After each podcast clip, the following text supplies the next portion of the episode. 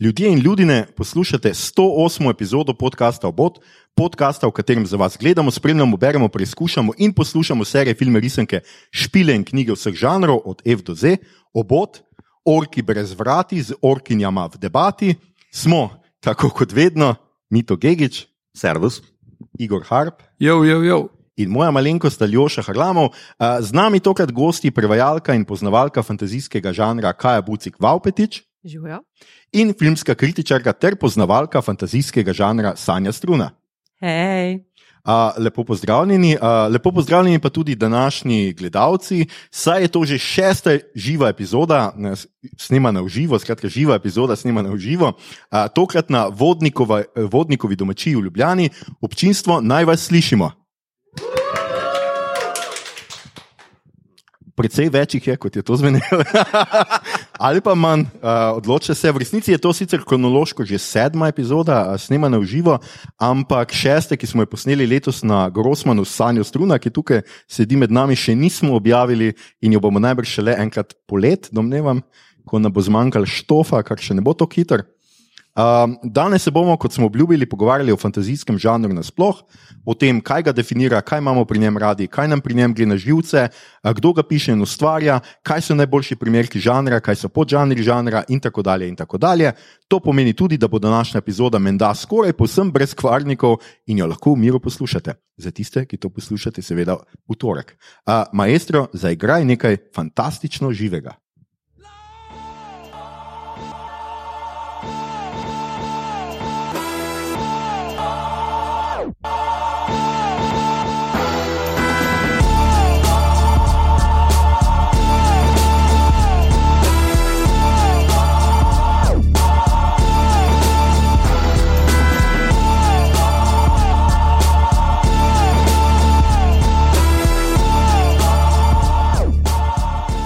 Živijo občinstvo, živijo vsi, ki nas poslušate. Uh, ok, zdaj bomo nehali brati navodila in lahko gremo uh, z epizodo uh, naprej. Uh, pozdravljeni spet na naši gosti. Uh, jaz sem zelo vesel, da, da smo vaju uspeli dobiti na. Mm, Na vodnikovo domačijo.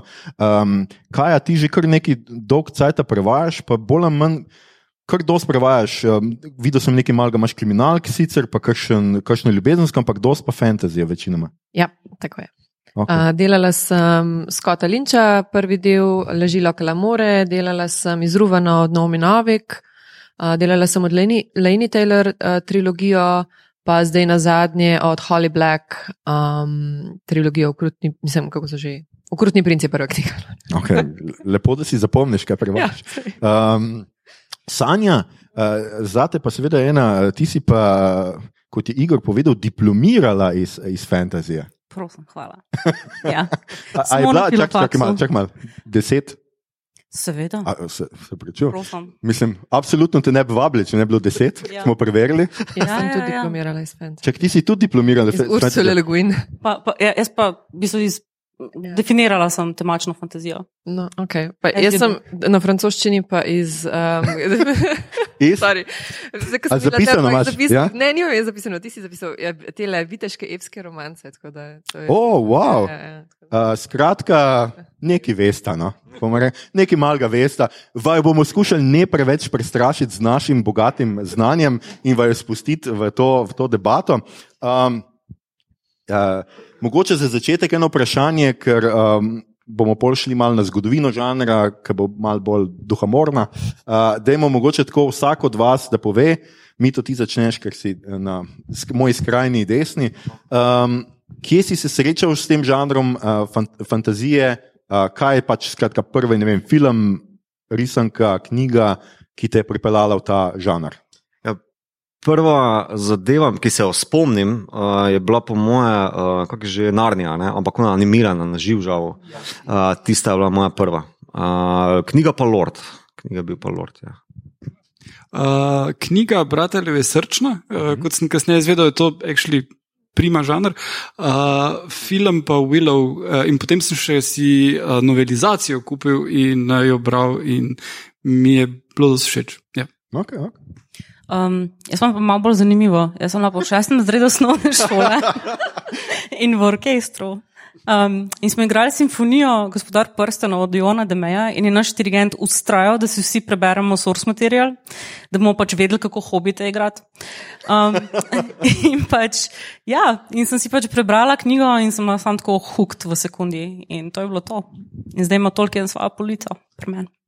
Oh, wow, wow, wow. Ja, ja. Kaj? Okay, jaz sem spet malo bolj dolgočasna. uh, ja, za, me, za me je, je bil ja, uh, Hobbit, pa uh, od Astrid Lindgren, brata Resrčna, pa Ronja, uh, potem pa zelo hiter že gospodar prstanov, pa seveda Harry Potter. Ja, jaz mislim, da je to kar eh, pač to generacijsko, seveda Harry Potter zadnja leta, se o tem bomo tudi govorili. No, jaz sem svojo izkušnjo opisal v eseju za ljud literatura, ki ga imate tudi na spletu, tako da jaz ne bom odgovarjal na to, preberite si. Uh, link bom dodal tle spodaj. Um, In kar gremo, jaz bi mogoče tako za začetek, eh, da ne bomo preveč, ker nas itak čas bo preganjal, to slejko prej. Jaz bi mogoče šel malo skozi zgodovino žanra, če bo kdorkoli kar imel za pripomniti, naj seveda uh, doda uh, karkoli. Um, še prej pa mogoče, preden začnem z zgodovino žanra, bi sam rad rekel za tiste, ki seveda to poslušate. Zdaj je treba ločiti, kaj je fantazija, pa kaj je fantastika, recimo uh, zelo. Ne, um, to se pri nas kar dosti krat meša, tudi nekaj, um, kolikor sem jaz pač to. Uh, Spremljal, preučeval, par let nazaj je bilo dosti zmede, je to, kaj je fantazija, kaj je fantastika. Zdaj, seveda, fantastika je lahko marsikaj fantastično. Um, mi smo to, uh, recimo, v našem pojmovniku, uh, ki ste ga tisti, ki ste tukaj zdaj v živo, dobili. Uh, če pre, prelistate do F-ja, imate pod fantazija definicijo: fantazija je film, serija, zgodbo, ki se osredotoča na domišljijske, izmišljene elemente. To je pač najbolj neka taka simpel, uh, simpel razlaga, se pravi, fantastično je vse, kar je nekaj nadnaravnega, uh, kar ni iz neke realne izkušnje, kar presega neko, neke fizič, fizikalne zakone in tako naprej, tako naprej. Fantazija je pa seveda svoj uh, žanr. Zdaj, to, če začnemo z zgodovino same fantazije, seveda moramo vedeti, da se najprej se je to začelo s fantastičnimi elementi in da o tem ne govorimo kot o fantaziji. Mene zelo razburi, ko nekdo začne govoriti, da je Beowulf, recimo, fantazija. N mislim, ni, seveda ne. Tudi miti in legende, s čimer se je vse začelo, pa s pravljicami, niso fantazija, ljudje so Zdaj, kolikor pač komorkoli verjamete, ne, ampak dejansko naj bi mite vseeno v začetku ljudstva verjela. Ne. Skratka, to ne more biti fantazija, ker so oni dobesedno mislili, da to, kar govorijo, se pač v resnici dogaja in je res. Ne. Um, zdaj, uh, veliko več nekega fantastičnega, fantazijskega se potem pojavi v uh, viteških epskih romancah, uh, ne kaja, uh, kjer imamo pač to. Vse veste, arturijanske legende in vse to. To bi že lahko imenovali, da so to neke proto, prve proto-fantazijske ali pa kakorkoli te zgodbe. Kot bomo pa videli v nadaljevanju, pa so se na nje in Tolkien in seveda mnogi zmeraj so iz njih črpali. Potem v času romantike, v 19. stoletju, so zbiralci pravljic bili tisti, ki so recimo. Mm, prvi še spet spodbudili to navdušenje nad, eh, nad, fantaz, nad fantastiko in fantazijo, in pa gotske romance so bile prvi tak žanr, ki je prototip recimo uh, grozljivke, pa hkrati uh, fantazije. Za me recimo Ortranski grad je bil ena prvih uh, fantastičnih knjig, ki sem jih jaz prebral, Horasa Walpola, uh, izšla je v zbirki Odisej, zato sem potem bral Vodnikovo vesino in potem takoj Hobita. Tako je pač šlo po neki, eh, pri tej meni, pri, po neki taki logiki. Potem pa imamo že moderno fantazijo, tukaj sta dva, škotski pisatelj George MacDonald je napisal Fantastates. Fantastics, kakorkoli se, kakorkoli se to prebere, 1872, pravijo, da naj bi to bila prva fantazijska postolovščina za odrasle. Uh, nek model podeduje vilo, ki jo ima v pisalni mizi, zbudi se drugi dan v Fairylandu in ko se čez leta vrne po mnogih postolovščinah, je manjkal v resničnem svetu le 21 dni. Skratka, imamo ta značilen prehod med dvema, med dvema svetovoma. In potem William Morris, The Well at the World's End, je pa prvi malo bolj konstruirani sekundarni svet. V njem je recimo nastopa kruti kralj Gandalf, in kon z imenom Silverfax. Tako da Tolkien nima glih komu drugemu čitati kraj. Uh, okrog tudi o tem bomo še govorili, verjetno. Uh, Pa Frank Baum je potem seveda Wonderful Wizard of Oz, ki je tako značilna. V uh, pozneje, pa nekako sredin 20. stoletja, se pa uh, dve ali pa tri stvari zgodijo. Ne, to bom jaz zgoril dol metal, vrede, hvala, Kaja. um, um, Edgar Rice Burroughs je seveda oče Tarzana, ne, to je neka taka posebna Tarzan prihaja iz neke posebne kraljevine, kakorkoli že. Uh, sredi 20. stoletja je pa ta razvoj sodobne mladinske fantazije, Lewis Carroll, Alice v čudežni deželi, Barry s Petrom Panom, Frank Baum s čarovnikom iz Oza, ki smo ga že omenili, pa prvič se pojavi termin fantazist za pisatelja, ki piše fantastiko. Danes je to sicer termin, ki mogoče pomeni kaj drugega. Uh, potem se pojavljajo prve revije, v katerih ljudje objavljajo uh, fantastiko in znanstveno fantastiko. Robert E. Howard je en takih, ki je veliko objavljal v revijah, to je seveda oče uh, Konana. Uh, in potem nek gospod Tolkien leta 1937 objavi Hobita in potem v 50-ih objavlja še Lord of the Rings. Zelo zanimivo je seveda spet to, da v Britaniji je bil takrat zelo popularen, ampak dokler ni se prebil v Ameriko, seveda ni bil svetovno popularen. Tam se pa je začelo seveda nekako v 60-ih, ko se je povečalo zanimanje tudi za meč in copranje, kot mi rečemo temu podžanru Sword and Sorcery. Zato je en urednik uh, rekel, da zmanjkalo mu je materijala in je vzel še Tolkiena v to neko edicijo uh, Sword and Sorcery in zadaj na blurbu je pisalo knjiga iz žanra meč in copranje, ki jo bo vsak prebral z veseljem in z užitkom. No, do leta 1968 je Lord of the Rings se prodal več kot 3 milijonov izvodov, tako da jaz upam, da je ta urednik blazno obogatel, uh, kar je pa sprožilo veliko povpraševanje po tem žanru. Uh, neko konstruiranje svetov s podrobno zgodovino, geografijo, družbo, politiko, tudi živi nek svoj vrhunec in zacementirajo žanr pa C.S. Lewis s kronikami iz Narnije, uh, Merlin Peak za serijo Gormegast in Ursula Le Guin za Zemljem morjem. Um, Potem je malo tako en zanimiv preskok, tam 60-ih, konec 70-ih je spet The Sword of Shannara, ena taka popularna. Pravi razcvet se pa začne v 90-ih, ko imamo uh, Pierce Anthony, Accent, pa Terja Prečeta z Discordom.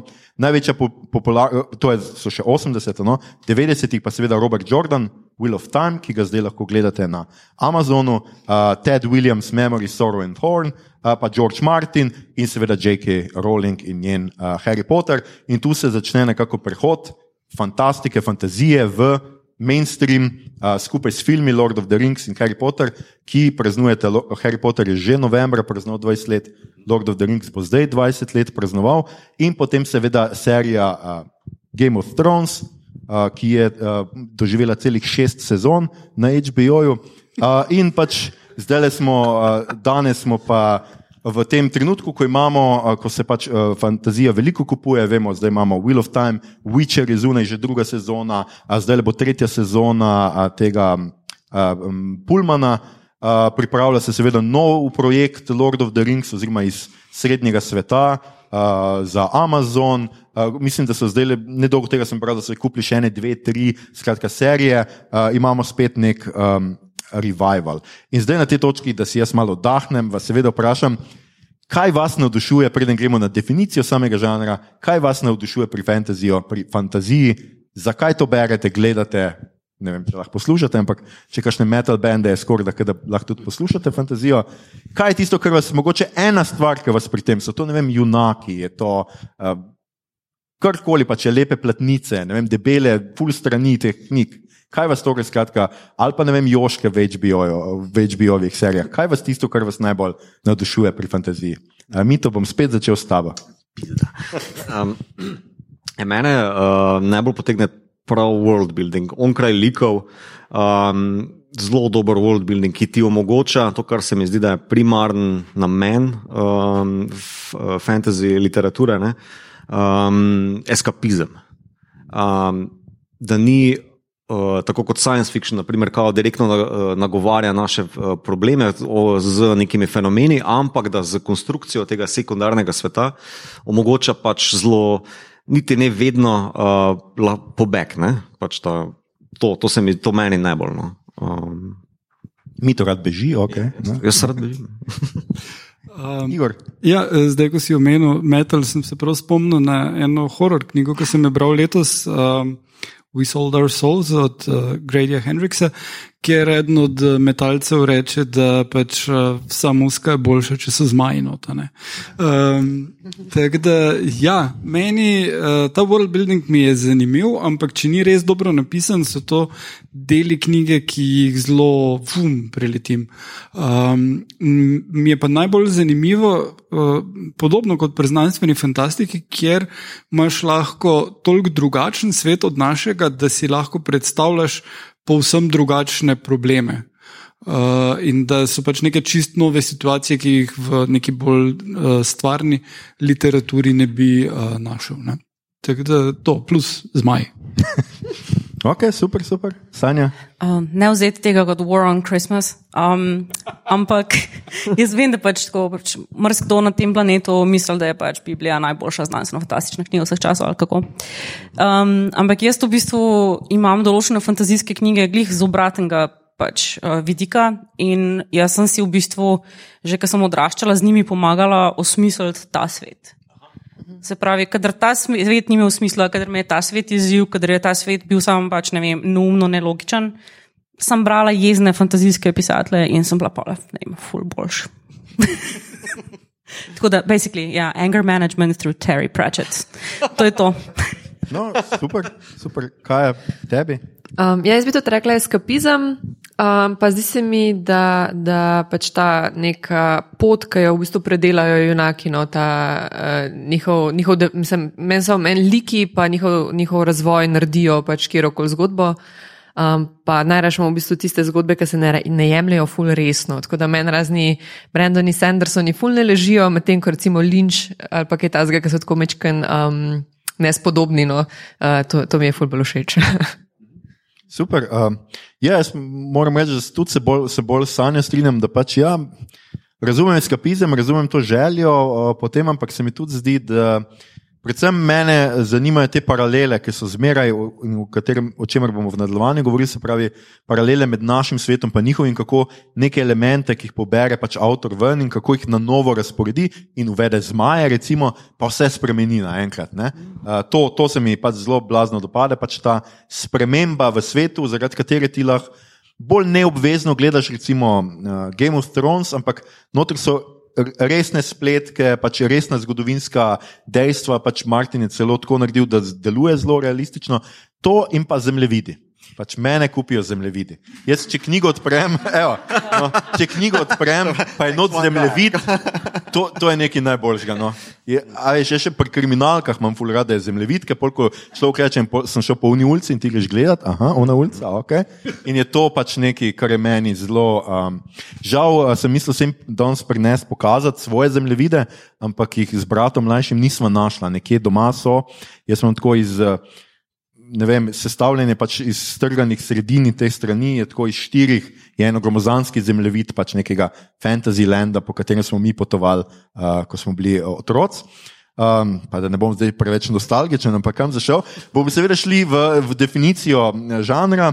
Jaz bi mogoče na tej točki, kaj je tebe pozval, ki si si to super napisala. Namreč, uh, vse tisti, ki nas poslušate, veste, uh, naši scenariji niso ponavadi neke podobe podrobni, gotovo niso, ne vem, osem strani, kot jih imamo danes, ampak um, kar nekaj teh strani je Kaja danes zapolnila, ker se je očitno bala, da bo kaj pozabila. Tako da, Kaja, mogoče ti uh, ja. lahko se lotiš tega, pa poveš, kaj se tebi zdi neka definicija, kaj se tebi zdi, da definira uh, ta žanr. No? Pa mogoče, eh, da se osredotočimo, zdaj seveda govorimo najprej o epski fantaziji, o tem okay. osrednjem žanru uh, fantazije, ker mm. znotraj tega seveda lahko malo uh, variramo. No? Ok, se pravi, um, epska fantazija. Okay. Uh, pravi, gre, za, gre za zgodbe, ki so postavljene v nek sekundarni svet, ki, v katerem veljajo določena pravila. Ta svet ima, ima neko, svojo, neko svojo, svoje mite o nastanku, ponavadi ima, ima svojo floro in fauno, ima svoje kulture, svoje ljudstva, svoje jezike. Zdaj, odvisno pač od uh, samega pisatelja, koliko resno se spušča potem, koliko globoko. Koliko cajt ima, ja, koliko cajt živeči svoje delo.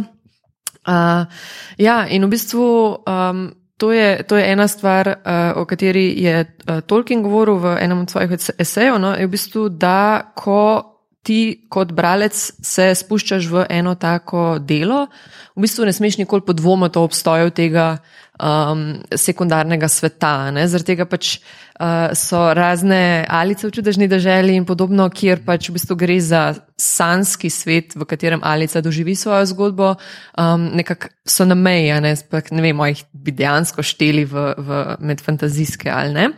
Um, ja, Zdaj, ponavadi gre tudi, to je tisto, kar sem si jaz zapisovala, je, uh, zapravi, uh, da večina, vsaj klasičnih uh, fantazijskih del, v bistvu sledi neki tej tridelni strukturi, kjer je v bistvu na začetku junak, pač protagonist junakinja, um, pahnen pač iz svojih udobnih okoliščin prek nekega sprožilca v zgodbo in potem se, se pravi, sooča z razno raznimi problemi in na koncu doživi en, en tak uh, preobra osebnostno preobrazbo, se pravi, zraste kot uh, oseba in se spopada z nekimi antagonisti, se pravi, zunanimi um, zlobnimi silami, kakorkoli, in mm. potem na koncu se vrne nazaj v svoje življenje.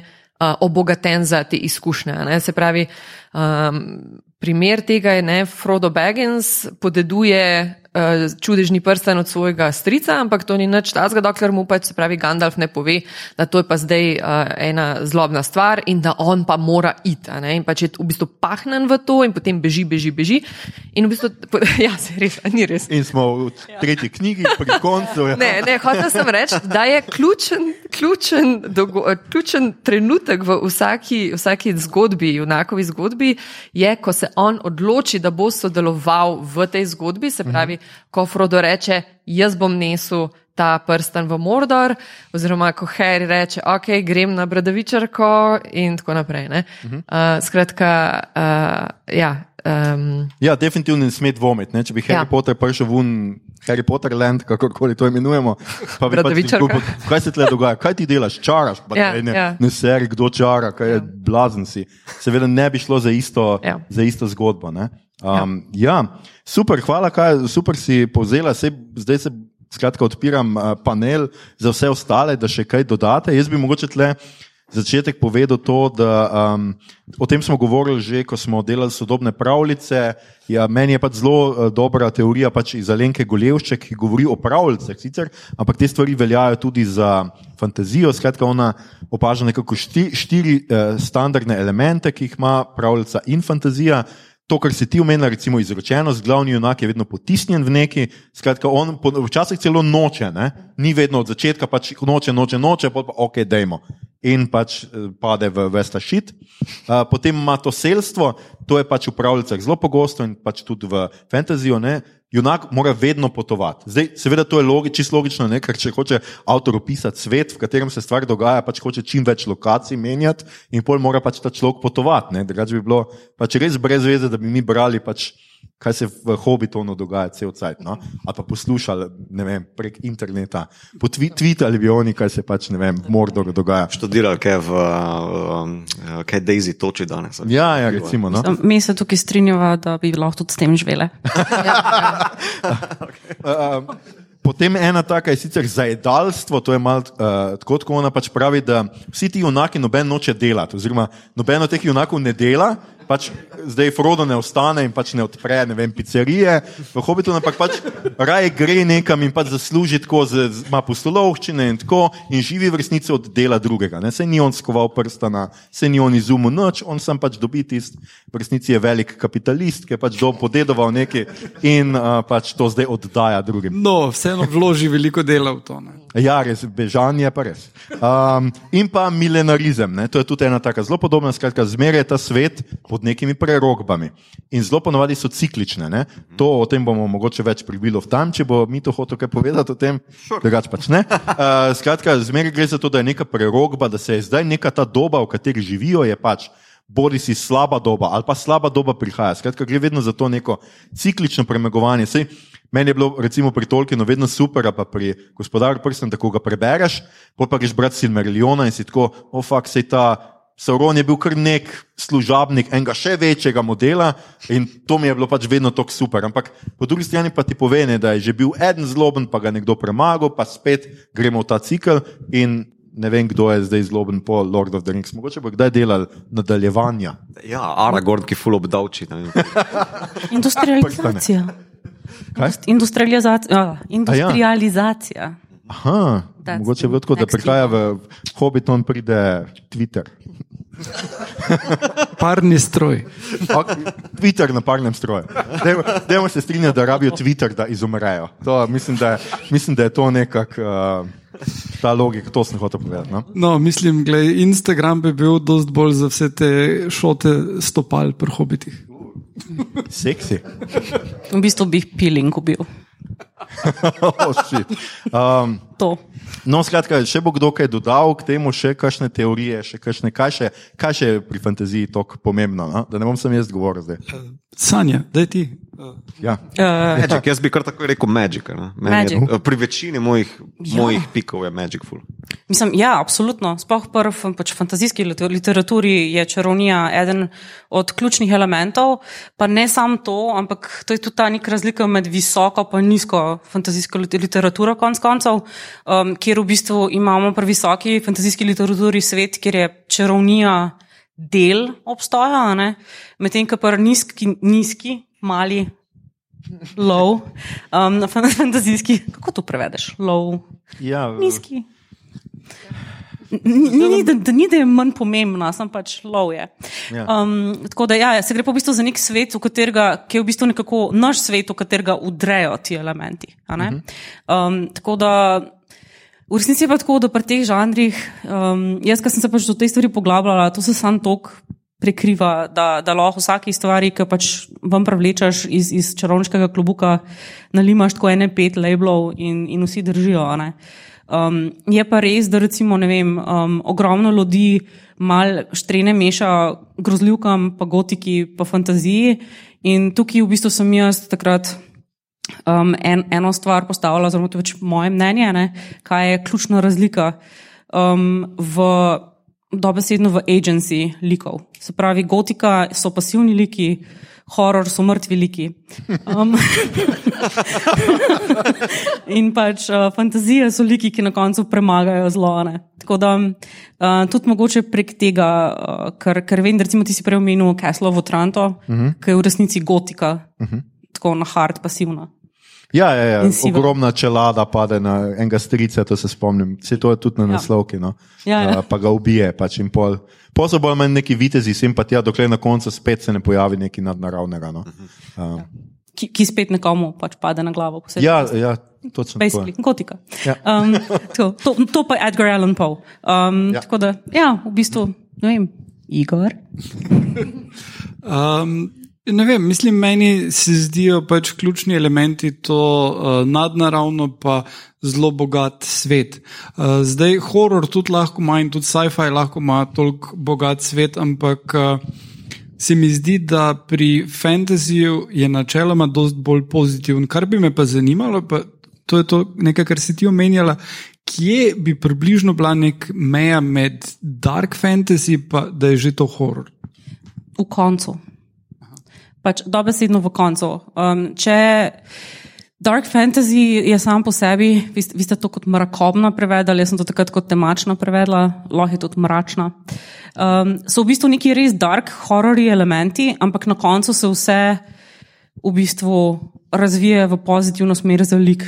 Pač, tudi če so ne vem, pol še, če še 30 nadaljevanj, vedno je nekako nek tak mal bolj pozitiven zaključek. Medtem, ko pri hororju ponovadi ni zmage za, za pač v bistvu um, glavne igralke in igralce um, v, v pač zgodbi. Um, pa mogoče še to, da v bistvu, sploh dark fantasy, se mi zdi, da je od vseh teh žanrov ena taka najbolj ne bom rekla sama sebi namen, ampak tako mal izpolnjuje neke take bolj temne nagibe pri ljudeh in izpolnjuje neke take ne vem, bolj želje, mogoče včasih, oziroma se nekako človek da v neko, neko varno okolje, iz katerega ve, da bo prišel in mal testira svoje meje. Medtem, ko pač, je horor, je pa pač dejstvo, da skoraj si lahko pripravljen, da te bo na koncu neki povozil. Tako da, ja, to. Tudi pač horor nikoli ni to. Mislim, pri dark fantasy, pri mrakobni fantaziji, da uporabljamo slovensko, je seveda zmeraj tudi ta le, nek level tega konstruiranega sekundarnega sveta, ki ga pri grozljivki ponovadi ni. No. Zdaj sicer bi lahko rekli, da Godzilla v jedru, zemeljskem središču, da je tisti nek sekundarni fantazijski svet, ampak je še vedno v zemeljskem središču, jasno veš, kje je. Te izgubljene pokrajine, to več nekako ne spada čisto v fantazijo, ne? čeprav bi lahko tudi za katere trdili. Ne? Kaj pa New Weird? Uh, Zdaj boš ti sam spraševal naš gost, ej, Tanja, kaj pa, Tanja, kaj pa uh, uh, ne. Dow, Dow Jones, a gre gor? a gre Čakaj, dol, mogoče bom pa doktorat o tem napisala. Ne. kaj, da, kaj da pa New Weird? Um, I don't New know. Weird, uh, ne vem, uh, od uh, Hellraiserja recimo uh, do. On razložil. no, mansplain. Uh, Ej. ne, ne, mislim, ta le baglas uh, tega, uh, kaj je že uh, China Mievil. Uh, angliški pisatelj. Mm. Je zelo bogat svet, ampak v bistvu je fantazijski, ampak vse je zelo fucking weird in creepy in disturbing. Magic realism gone wrong. Ja, ne imaš tudi različna bitja. Uh, In, in potem pač tudi ljudi, ki proučujejo njihovo strukturo, in, in vse. Ampak, glavnem, ja, fantazijski svet je, ampak je pač ni, ni cute, niti malo. Mislim, jaz bi rekel temu dejansko bolj moderna gotika, skoraj skor do neke me- mere. No, tako, ma- Malo se, mal se tja v to smer nekako nagiba. Sploh če v bistvu imaš to neko pasivnost, pa ta nek mazohizem prisoten, um, po mojem. Ne. Ne? Bom začela brati čajno. Obljubim. Um, ne, mislim, kaj pa ti misliš, Igor? Uh, ne vem, dost ni uvir, da se mi zdi zelo fantasy adjacent, sploh tale baglas, pa uh, en kup stvari, tudi gamenove so tu nekje. Um, ampak, uh, ja, no, mislim, dan danes mislim, da so ti žanri dost bolj pomešani, kot so bili včasih. Ne? Ja, to pa absolutno. Tem, da Gamen, po mojem, se večinoma kar, kar sprehaja po, po, dar, po, dark fan, po mrakobni fantaziji. Uh -huh. Tako da v- ogromno njegovega pač opusa je tako, kar, kar firmly v, v tem -huh. področju. Pa se to je tudi zelo logično. Ne? Saj najprej imaš ti pač kup teh proto nekih romanov, potem pa pride eden, ki, ali pa dva, ali pa trije, ki res zakoliče žanr, in potem imaš kup posnemovalcev, ki ga res še dodatno pač potrdijo, da je to zdaj žanr, potem pa se že začne zelo, ne, že spa, kako hitro imaš ti parodijo žanra, kar je že prečet od 80-ih naprej, ne, takrat je že žanr počasi pravijo, da umira, ne, oziroma da je doživel svoj vrhunec, ko že imaš ti, zato ker za parodijo žanra ti moraš vedeti, kaj je ta žanr zelo dobro, ker če se ti meta norčuješ iz žanra, pač ne boš ti razumel, če ne razumeš, pač kaj, kaj je poanta a, tega žanra. Ne? Tako da to mogoče je ravno pri fantaziji to zanimivo, ker še lepo prečetu se v resnici še bolj začelo, ne? ampak to pa je zdaj že bolj povezano s filmi, z, a, s tem, kako pač pride nek žanr v glavni tok, oziroma mainstream, za tiste, ki ne veste, kaj hočem reči z glavnim uh, tokom. Um, uh, Sanja je drugače omenila boj z, med dobrim in zlim. A je to? Mislim, jaz mislim, da je tudi to zelo pogosta uh, poteza fantazije. Ja, ampak to je kar tako zelo splošno, a ni? Mislim, tak, eh, vse Ja, ja, sej- neke te Sej, splošno. epogilga mešve. Ne, mislim, to ampak za fantazijo, za fa fantasy je vedno pač gre za boj dobrega proti zlu. Mislim, vedno. Zdaj pri Martinu so sive cone, kao, ne? ampak še vedno imaš White Walkere, ki so vsaj v seriji zlobni, bog ve zakaj. In, uh, Kaj pa, če bi nekaj drugega predlagal? Naprimer, da kao klasična epska fantazija, ne? Jordan, deloma pa uh, predvsem Tolkien, imata to klasiko. Dobro, zlo, good guys, bad guys, nisi vine, to je to. Medtem ko pa moderna fantazija, Game of Thrones, pa Sanderson, malo pa tako naprej. Uh, tu pa imaš že full te sivine, kao, da mogoče to je ena razlika, ker sem z mojim bratom, ki je tudi, uh, mislim, da je on diplomiral na anglistiki z Beowulfom pa Lordom, pa malo Wheel of Time. Um, Ja, mislim, da ja, pozval sem. Uh, skratka, um, ko sem tu z njim imel te debate, okay, kdaj se začne ta ločnica, kaj je ta ločnica, ker to se ful pogosto uporablja, klasični fantasy, pa modern fantasy, pa, ampak noben nima tako zelo enoznačnega odgovora, ki bi bil tak za en tweet primerno. naprimer. Kaj ti si hotla nekaj? Ja. Ja, mogoče takrat, ko nehaš, ko pisatelj neha uporabljati pač neke te, mm, recimo tako, kot ima Tolkien, so vsi orki zlobni. Uh -huh. Zakaj? Kar tako. Taki so se rodili. Ja, in pač v bistvu imaš podoben način imaš pri pravljicah. Ne? Zakaj je mačeha zlobna? Ne? Zakaj, zakaj odvleče Janka pamet? Ne vem. Ne? Pač, ko, ko, ko se začnejo spraševati o motivih, mogoče zlobnežev, ko, ko daš antagonistu backstory in ga narediš, ej, zaradi tega, ker so ga mučili v otroštvu. Ne? Zaradi tega, ker ne vem, so mu ubili ženo in ne vem, koga še vse in zdaj se maščuje nad vsemi. Mislim, kar je sicer tako lame, ampak pač, um, da, da ima da ima neko, neko uh, zgodovino za sabo, uh, zaradi katere lahko mečken sočustvuješ z njima. Ne? Zaradi tega, z najboljšimi antijunaki se mečken, mečken hočeš navijati tudi za nje. Mm. Pač, uh, zaradi tega imam potem tudi junak ne, ni vedno čist, čist uh, zlat, ni vedno. Ko neha, mislim, ko, skratka, ko, se, ko nehajo biti vsi liki tok kartonasti no, in ratajo mečkam bolj tro, trodimenzionalni. No. Ja. Tukaj je največji fail Biblije kot fantasy teksta. Ne? Ker imaš zgodbo o Jobu, ki bi bila lahko odlična, uh, in pač villain origin story, ampak ne, on še kar verjame v Boga na koncu. To sem jaz hotel samo reči, da pač meni tudi Sauron kompleksen lik. Sej, on mu je ukradel zlatnino, presneti tatinski ja, Ja, hobit. ja. Ja. Ni bil on kar tako zloben, brez veze. Ukradli so mu. Ja, on je v bistvu zaposlen v Tiffany's. On hoče sem nekaj nazaj, eno mehko, mehko stvar, mislim, nič tako hudega. No? Tudi če pri tem požge svet, da jo dobi. Um, ne, ampak draž bi pa rekla, da definitivno ja, linija je in pri v bistvu mal pogla, poglabljanju likov z likovcev in pri dejstvu, da se tudi premaknemo res bolj proti antiherojem kot junakom uh -huh. in junakinjam teh zgodb. Tako da sploh pri moderni fantaziji se mi zdi, tudi ne vem, pr, ne, pa že, ko gremo v, vem, v, v, v, v stripe in tako naprej. Pač hočeš neko človečnost na obeh straneh. Tako da noben ni perfekten, pa noben tudi ni perfektno zloben. Pa uh, še ena stvar je mogoče pri. Posebej pri, pač pri epski, pri visoki eh, fantaziji, zdaj, je, da je ta svet, zdaj, seveda, ker je kopiran Tolkiena, pa mislim, kopiran, ker je to ena zelo pač pomembna, je zelo pogosto nekako v času srednjega veka, bomo temu rekli. Ne? Skratka, vedno imamo kraljice, kralje, um, z meči se bojujejo, ne? zelo redko je, da imaš zdaj ti.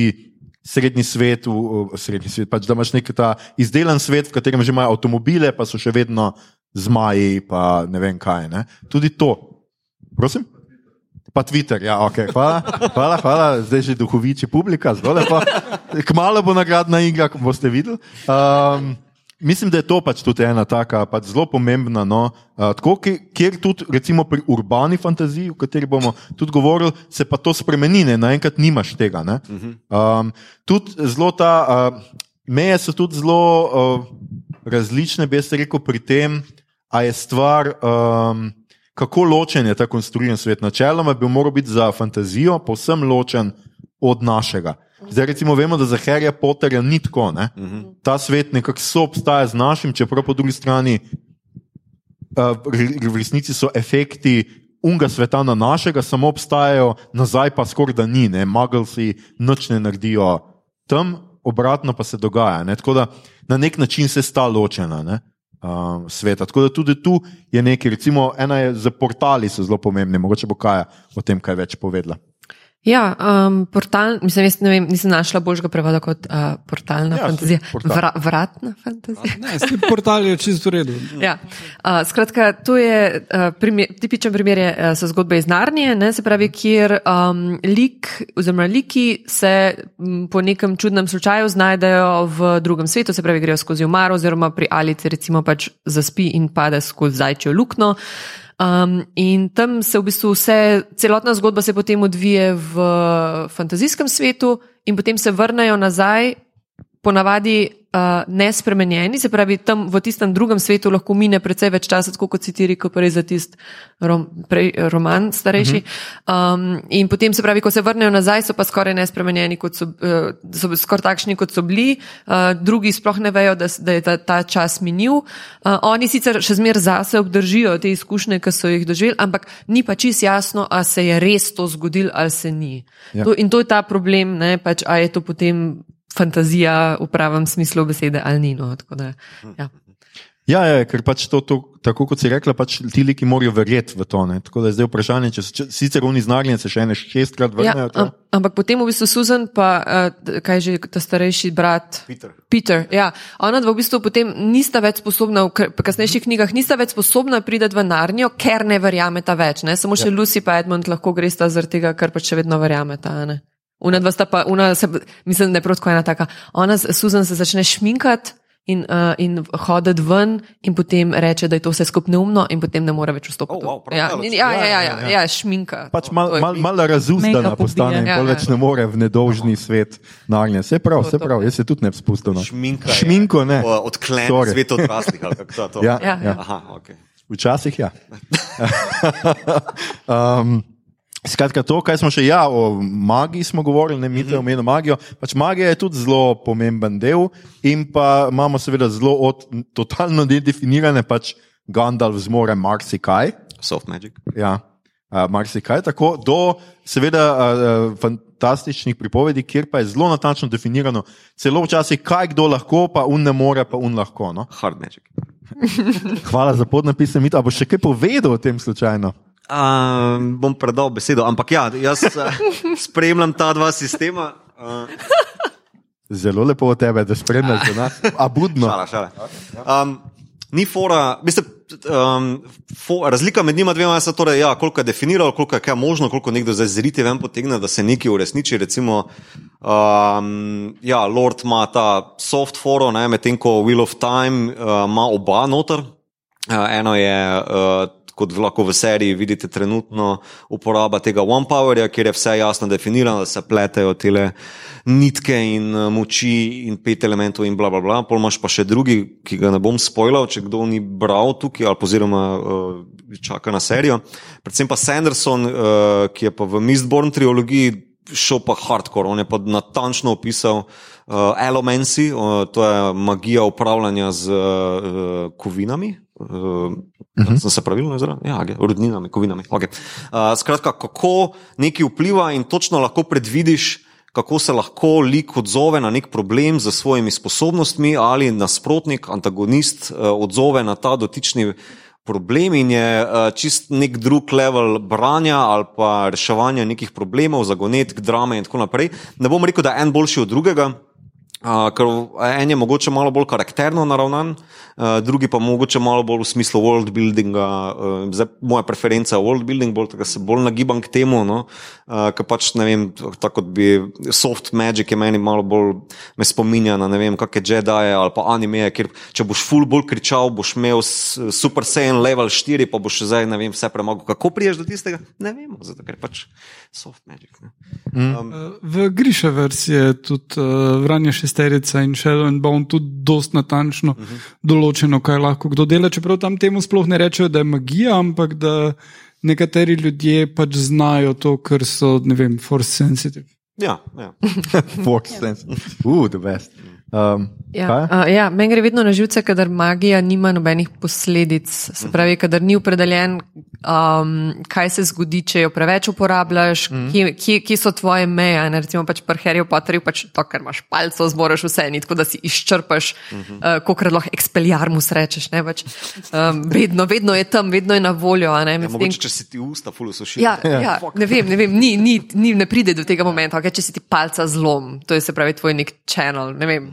Ampak t- pač fajn mi je, kadar, kadar je ta raba magije pol povezana ne vem, z izčrpanostjo ali z nekim, ne vem, norostjo ali s čimorkoli pač uh, zaradi tega, da. da ker če, kar, če si kar vse mogočen, je tako. Eh, kar, Ja. eh. Se tudi lahko rešiš potem nek problem ali pa nasprotnika, če tako se neko ne ful bolj kričiš ali pa se trudiš pa švicaš. In, Je tako malo, meni je kopaut tole. No. Uh, ja, Ja, ja. ja, v bistvu. Okay, mogoče na tej točki. Uh, um, Začnemo s prvo nagradno igro. Zdaj, dragi okay. poslušalci, ki tole poslušate v torek, zelo mi je žal, uh, ampak noč vam ne morem dati, noč vam ne morem pomagati. Uh, in če veste pravilni odgovor. Vsem damo naše glase. Aha, če veste pravilni odgovor, boste pač zavedno umrli s tem ved- vedenjem, da ste ga vedeli. Um, prvo, prvo vprašanje je, uh, ker smo danes, seveda, ker bomo začeli s Tolkienom, kot se, prav, uh, s, uh, kot se spodobi. Um, je naše prvo vprašanje, ki mogoče ni, ni, ni najtežje na svetu, ampak bo ločilo tiste, ki ste gledali film, od tistih, ki ste prebrali tudi knjigo.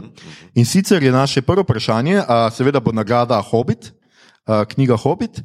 A, Prvo vprašanje je seveda, kako je ime ženi Toma Bobadila. O, ima ženo, ima. Ima ženo, ja. ja. Um, zelo lepe lase ima.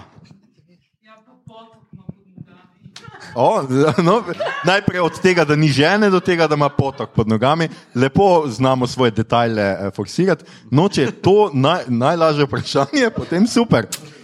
Se pravi, en hobit bo eden od nas vzel hobita, lepo. Tako, še en namig vam dam, tako pesem je o njej celo na neki točki. Tako je. Ja. Tako, tako. Zdaj, če ne veste v angleščini, sprejema tudi slovensko, ker, ker, prevod nismo, ker smo se strinjali, da prevod čakamo, da bo sneti naredil boljšega. No? Ja. Ja.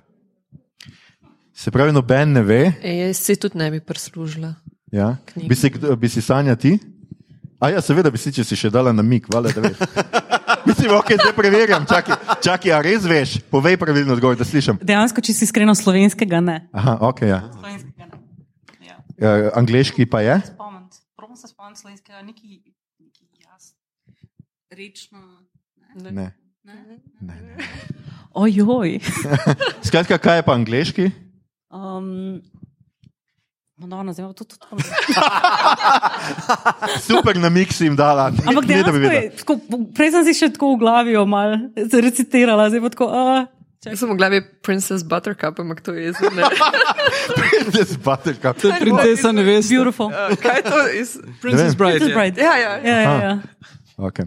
Um, Prav, Presenečen sem. uh, Mito, boš po- povedal, Ni če zlatolaska. si ti zapomnil. Ja, um, angliško mislim, da ja, Je zlatolaska. zlatolaska. Je zlatolaska. Slovenska je zlatolaska, angliško je pa Goldberry. Goldberry, ja, tako. Tako da um, žal, nihče si ni pri, prislužil. Hobita, če vi doma veste, vam je zdaj lahko žal, ker niste tle, ker bi dobili hobita. Ja. Zdaj pa zato, ker nismo podelili hobita, bomo vseeno poskušali podeliti hobita in bomo imeli drugo vprašanje. A drugo vprašanje je še vedno za hobita. In sicer jaz vam povem ene številke, in te številke so 202, 105 in 90. To so točke, ki so jih Harry, Ron in Hermione priborili Gryffindoru.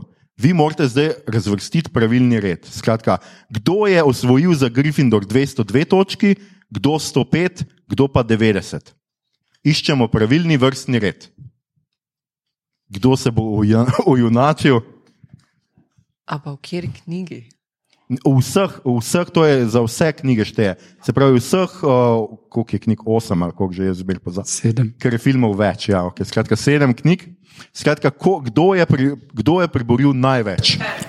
Ron zihrne. Skratka, imamo nekdo, a, Urška, ti si poskušala, Harry, kaj bi rekli, kdo je drug? Hermajni, kdo pa tretji Ron, pol, ker edino ostane. Um, odgovor ni pravilen, ne. ne. Hermione največ. Ja, jaz mislim, da Prosim? Tako skozi dobila pomal. Hermiona prva, kdo je drugi? Harry. Harry, tretji? Uh, ne, ni pravilen odgovor. Ej, tako, Harry je full zgubil. O, ja, nekdo se je spomnil, da so dobivali minus točke, bravo, Sanja. Skratka, še kdo bo poskusil, zdaj dva odgovora že vemo, da so absolutno napačna.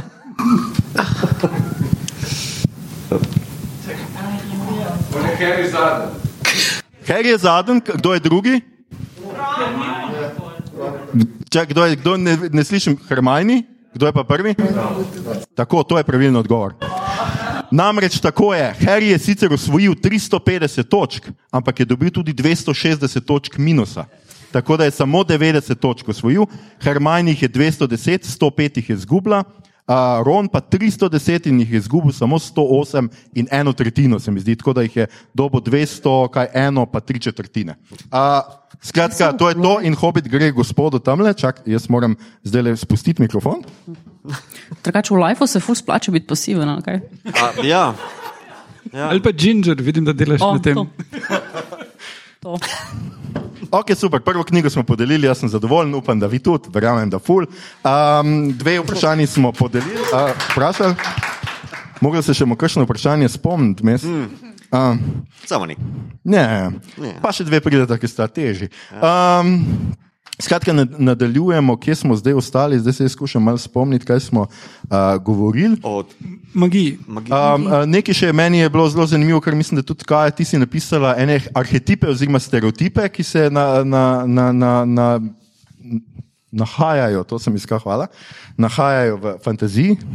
Ja, uh, to so se pravi. Uh, uh, arhetipi, konkretno sem, sem, sem se osredotočila na like, ki se pojavljajo v uh, zgodbah fantazijskih zelo pogosto in jih v bistvu prepoznamo in si rečemo, aha, tako se bo ta zgodba odvila, takšen je ta lik, se pravi, to je recimo uh, izbranec oziroma The Chosen One, um, ki, ki je edini. Reeves, ja, ja. ki je edini, ki lahko reši zaplet, a ne recimo Harry Potter. Uh, potem modri mentor. Uh, je se pravi pač podporni lik, ki protagonistu nudi neke nasvete in ga usmerja in tako naprej. Rodriguez v Highlanderu.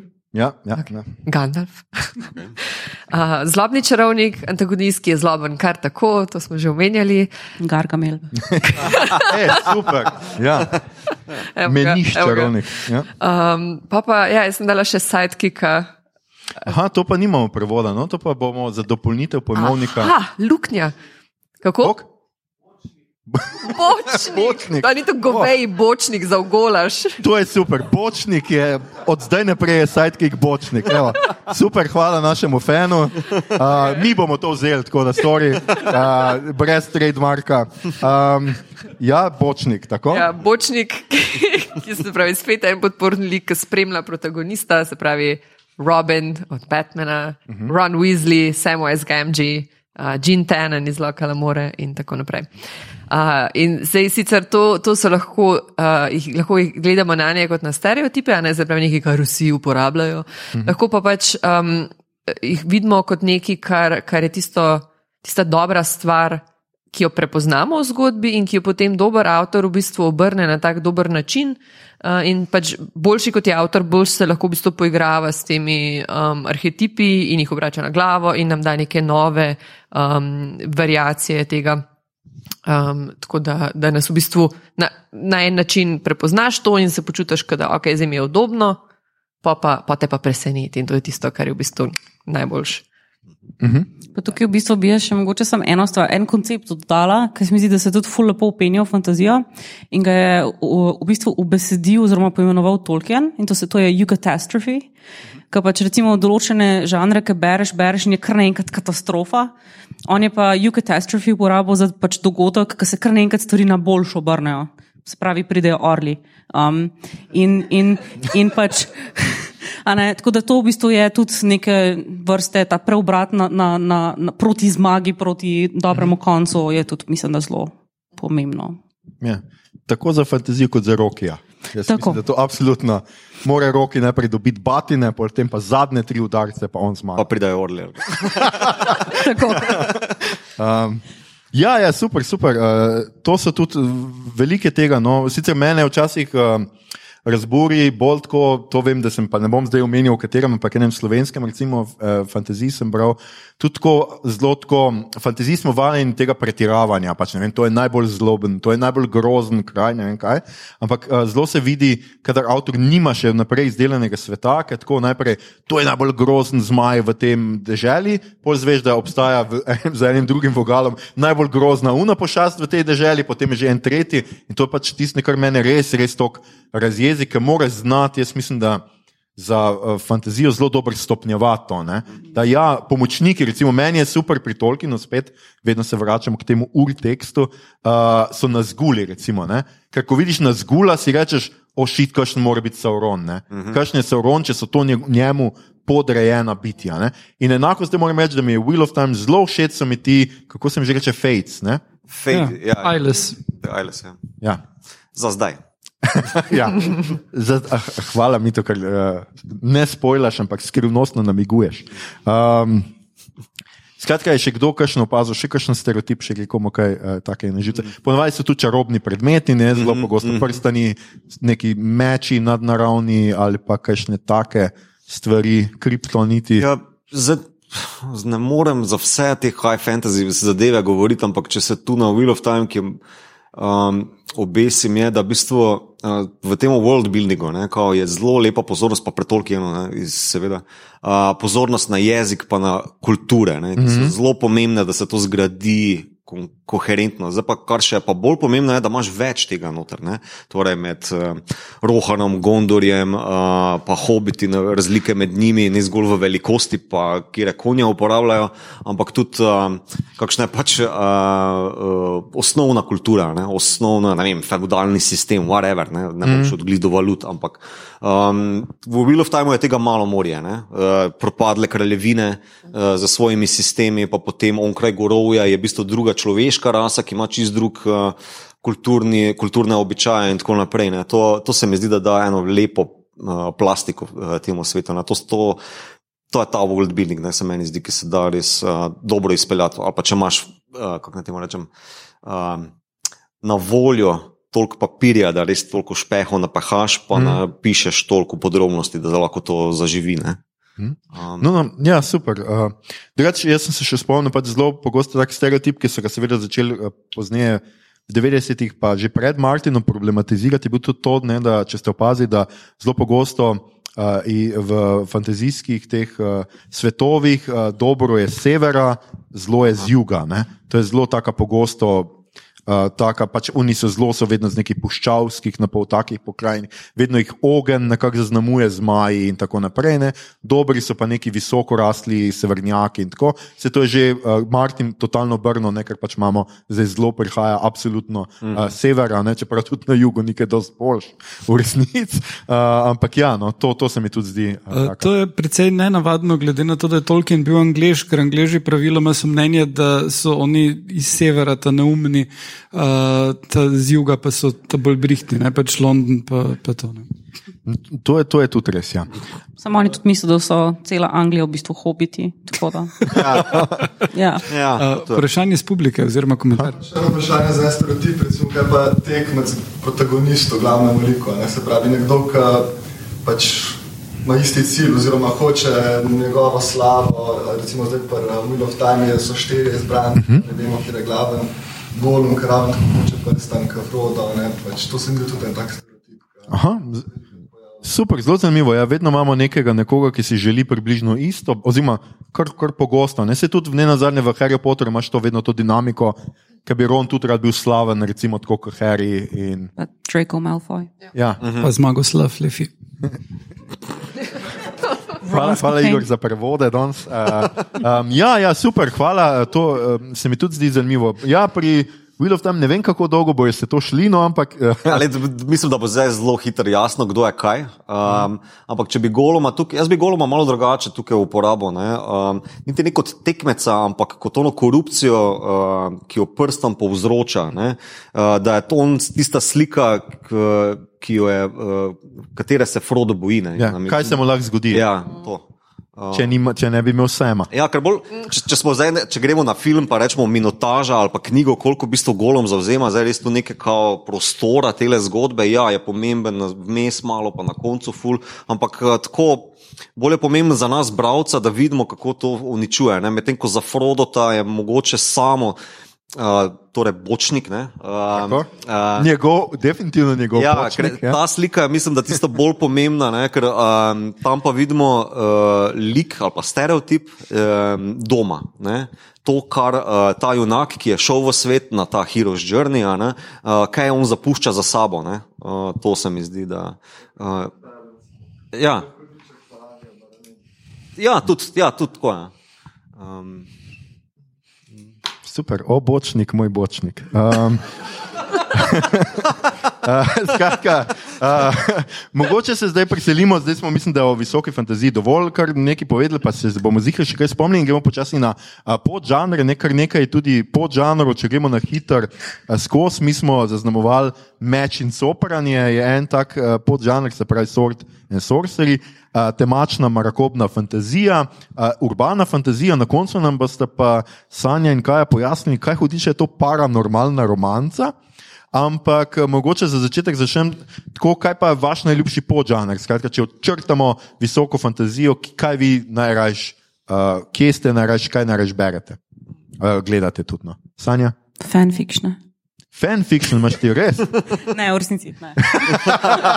A, jaz sem že mislil, da ti da res nekdo, ki gre to brati. Noč na robe s fanfic, fanfictioni sem jih tudi pač prebrala, ker so včasih res tako noro napisani, da ne sploh ne moš verjeti. Um, ampak jaz osebno, ha, ha, ha. Um, ja, pa ne mislim, ka- a res ne sme biti high fantasy. A, mislim, lahko je high fantasy, če ti druge okay. Niso tako, ampak uh, Mislim, najljubši mi je absolutno high fantasy, um, bi pa potem, ne vem, na drugo mesto mogoče dala. Ja, dark fantasy. okay, okay. Ja, dark fantasy. To. kaj je ti? Um, jaz bi rekla urbana fantazija in paranormalne romance. Okay, okay, okay. Vedno bolj vroče. Res moramo zvedeti, kaj za to. Ja, ja. Mita, Ja, jaz moram vztrajati na high fantasy, ni druge.